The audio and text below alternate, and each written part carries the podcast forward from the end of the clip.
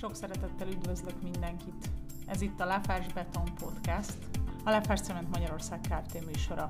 Ezúttal a 10 éves jubileumi adássorozatunkat hallhatják, hallhatjátok. Zadrevesz Zsófia vagyok, a vállalat fenntarthatóság és marketing kommunikációs igazgatója. Vendégeimmel, munkatársaimmal az elmúlt 10 év történeteit elevenítjük fel, összesen 10 adás során. Tartson velünk, ön is. Tartsatok velünk, garantáltan érdekes lesz. Adásainkat meghallgathatja, meghallgathatod a weboldalunkon, a Spotify-on és a többi népszerű podcast csatornán is. Várunk sok szeretettel! Az elmúlt hetekben a Lafarge Cement Magyarország Kft-vel közösen egy beszélgetés sorozatot indítottunk, amelynek legfőbb témái a zöld építészet, a fenntarthatóság és az ezt szolgáló innovációk, fejlesztések, jövőbe mutató megoldások. Ez a negyedik adás, amelyben olyan zöld épületeket és építészeti megoldásokat fogunk bemutatni, amelyek a Királyegyházán készülő Lafarge Cement termékek felhasználásával valósultak meg. Beszélgető társam Putler Csaba, a Lafarge Cement Magyarország Kft. értékesítési igazgatója. Az elmúlt adásokban már sok mindent érintettünk, beszélgettünk a Lafarge környezetvédelmi beruházásairól, a nemzetközi és hazai stratégiai célokról, valamint a Geocycle-ről, azaz a vállalat hulladékkezelési megoldásáról – a mai alkalommal pedig arról fogunk beszélgetni, hogy mit láttok, milyen a zöldebb és fenntarthatóbb megoldások felé mutató változások, tendenciák vannak a hazai építőiparban, milyen megrendelői igényekkel találkoztok. Hát nagyon örülünk annak, hogy a Lafát célkitűzéseivel összhangban és a nemzetközi tendenciáknak megfelelően itthon is egyre gyakrabban fogalmazódik az meg, hogy igény lenne zöldebb és fenntarthatóbb épületek megvalósítására, akár kivitelezői, akár megrendelői oldalon. Egyébként a vállalatnak a stratégiai célja az, hogy 2050-re teljesen karbonsemleges legyen a cég. Ennek érdekében ugye 2014 óta folyamatos beruházásokat végzünk, és a termékportfóliót is ennek megfelelően zöldebbé próbáljuk alakítani.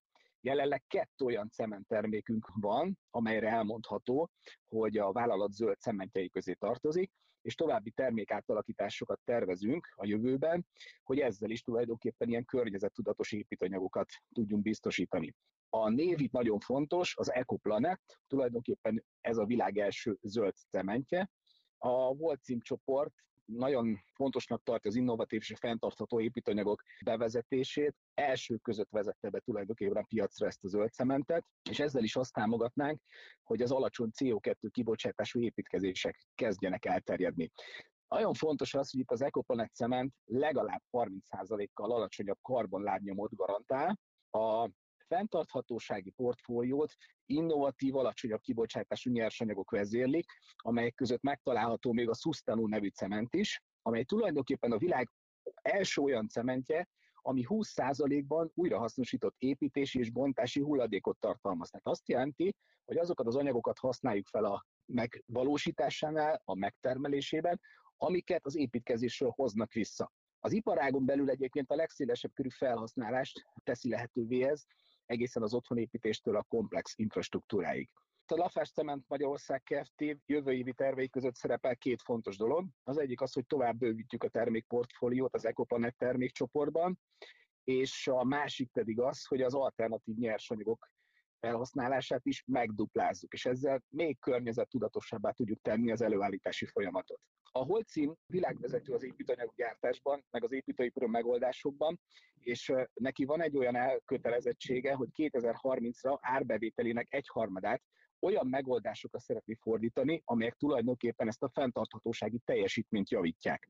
Csak még egy adat erről, hogy mióta fennáll ez a cég, kb. 25%-kal csökkentette a fajlagos CO2 kibocsátást. Azért, hogy ezt a rövid távon mondjuk ezt látjuk, hogy ezeket a környezetvédelmi terveket hogyan próbáljuk megvalósítani. Itt mi 2022-ben az együttégetésre szánt hulladékokat, ezeket az alternatív hulladékoknak a hasznosítását több mint 90%-ban szeretnénk felhasználni.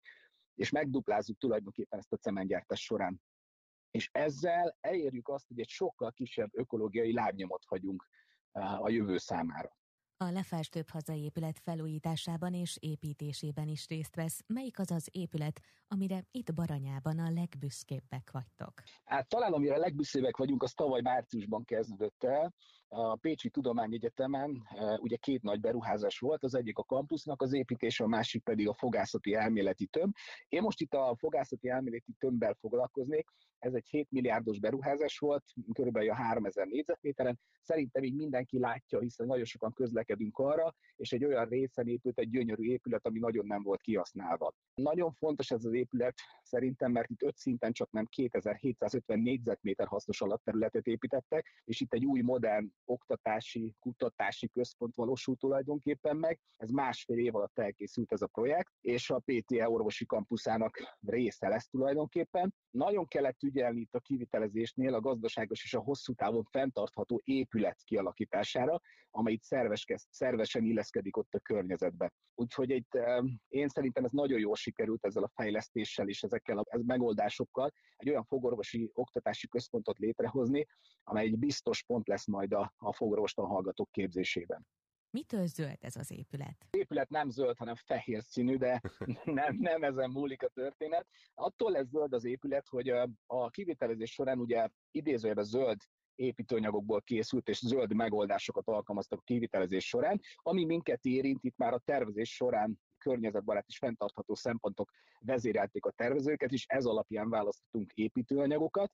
Mi az alaptestek, a pillérek és a falak, meg a födémek betonozásához a CEM3 A32,5 R MSR típusú expert elnevezésű cementünket szállítottuk.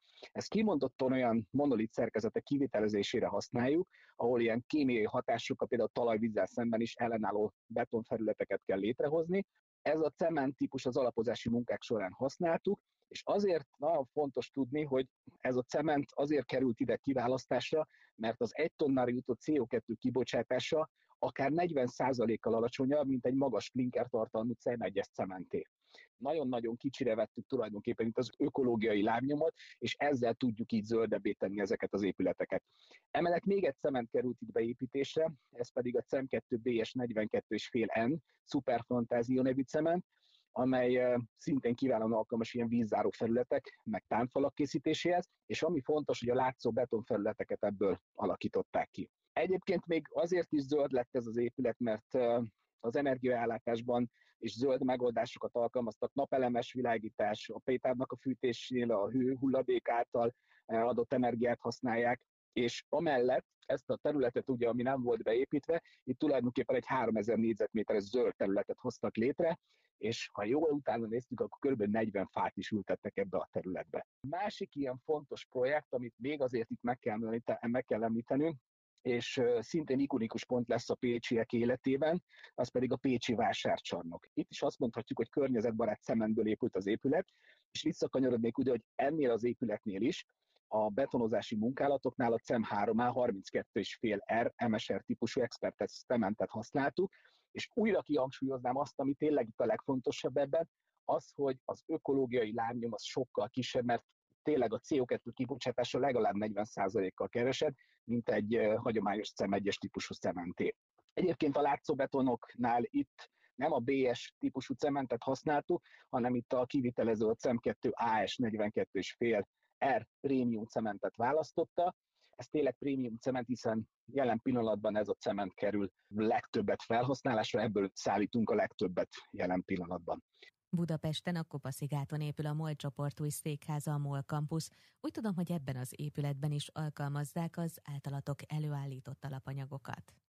Én azt gondolom, hogy egy építanyaggyártó vagy egy építanyag szállító mindig büszke a referencia projektjeire. Tehát, hogy elmondhatja azt, hogy ezekben az épületekben én szállítottam építőanyagot. Na most a MOL Campus az egy olyan reprezentatív épület lesz Budapesten, aminél, ha valaki elmondhatja, hogy oda szállított, nagyon-nagyon büszke lehet rá nagyon-nagyon sokáig.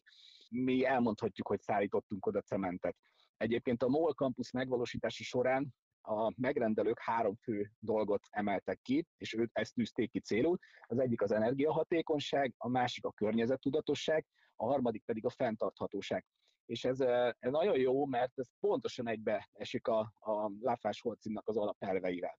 Egyébként ennek az építkezése ennek az építkezésnek a kezdete 2018-ban volt, a várható átadás az pedig 2022-ben lesz. Ugye ez lesz Budapest legmagasabb irodaháza, a tetőteraszon egy gyönyörű panoráma étterem kerül kialakításra, ahova bárki fölmehet. Tulajdonképpen azt mondhatjuk, hogy a főváros egyik leginnovatív és legzöldebb épülete lesz ez. Tehát ezért is nagyon-nagyon fontos, hogy mi elmondhatjuk, hogy ez egy referencia projekt számunkra, és ide szállítottunk be építőanyagot. Amikor biztosítottuk ide a termékeket, akkor az volt a fontos, hogy minőségi termékeket szállítsunk, és mindenképpen ezt a környezetudatos zöld szemléletet meg tudjuk valósítani, és csak egy pár adat arról, hogy milyen projektről beszélünk, és milyen mérhetetlen mennyiségekről. Az alapozási munkálatok során szállítottunk mibe cementet a, a beton készítőnek és a beton szállítónak.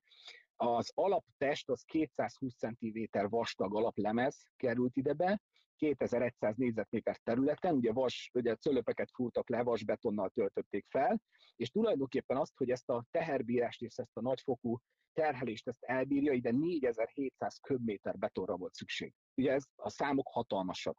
Itt a betonozásnál, a már régen is említett és nagyon sokat említett CEM 3A 32,5 RMSR típusú cementet választották. Ugye miért volt ez fontos? A mérsékelt szulfátálóság, ami alkalmas a talajvíznek fokozottan kitett betonok készítésénél, és ebben a szempontból is nagyon fontos volt az, hogy és még egyszer itt kihangsúlyoznám, hogy a CO2 kibocsátása sokkal-sokkal kisebb, mint egy hagyományos klinker tartalmú cementnél. De nem csak közés lakóépületek építésénél, hanem többek között hidak építéséhez is alkalmazhatók a cementtermékeitek.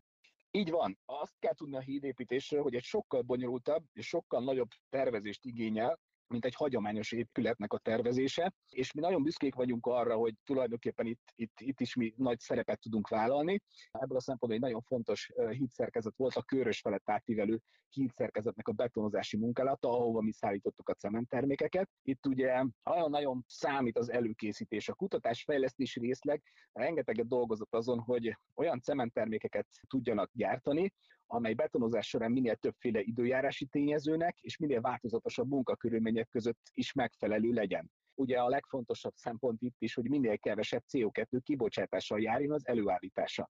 A hídépítés során egyébként e, itt meg is tudtuk mutatni, hogy a hídfők cölöpalapozásánál is a sokat említett CEM 3A 32,5 R MSR Expert nevezetű cement volt a megfelelő, ugye nagy kezdőszilárdsággal, kevés repedés, tehát csekély repedési hajlammal, és ugye megint víz alatti betonozásról beszélünk, tehát hogy ellenáll ezeknek a, a tényezőknek, és tud működni akár víz alatti betonozásnál is. És jelen pillanatban még ugye nincsen készen, csak előkészítés alatt van, de reméljük, hogy a következő ilyen referencia beszélgetésnél már meg tudjuk említeni azt, hogy készülünk jelen pillanatban a Kalócsapaks új Dunahíd kivitelezéséhez. Itt megtörténtek az előkészítések, megtörténtek a próbakeverések, és nagyon reméljük, hogy ez egy, ez egy kiváló referencia projekt lesz a következő beszélgetésnél. Hogy egy picit távolabbra tekintsünk, mondanál néhány külföldi referencia munkát is?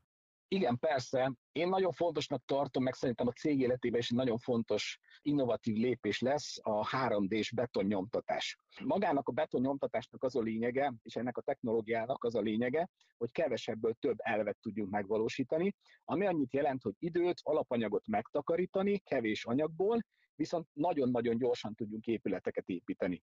Az egyik ilyen nagyon nagy projekt, ami ami kivitelezés alatt van, és tulajdonképpen a prototípusa már elkészült ennek, hogy a General Electric, a Holcim és a, és a Kobod nevezetű cég összeállt, és egy 3D-s betonnyomtatási technológiával olyan szélerőműveket próbálnak betonnyomtatással létrehozni, amelyek 200 méter magasak lesznek. Ugye 200 méter hosszú oszlopot szállítani egy borzasztó nehéz logisztikai feladat, viszont 200 méteres betonoszlopot kinyomtatni a helyszínen és csak felállítani, az egy nagyon-nagyon innovatív történet lehet, és nagyon egyszerűen, idézőjebb egyszerűen megvalósítható lesz, mert nem kell logisztikázni, mert a helyszínen elkészül, és ezt utána fel lehet állítani, és mi ebben hasznos? Az, hogy 200 méter magasan van maga a, a szélerőmű, légréteget tudunk tulajdonképpen ott dolgoztatni, amely sokkal nagyobb energiát fog biztosítani számunkra. Ennek egyébként a prototípusa már Kopenhágában elkészült, egy 10 méter magas prototípus.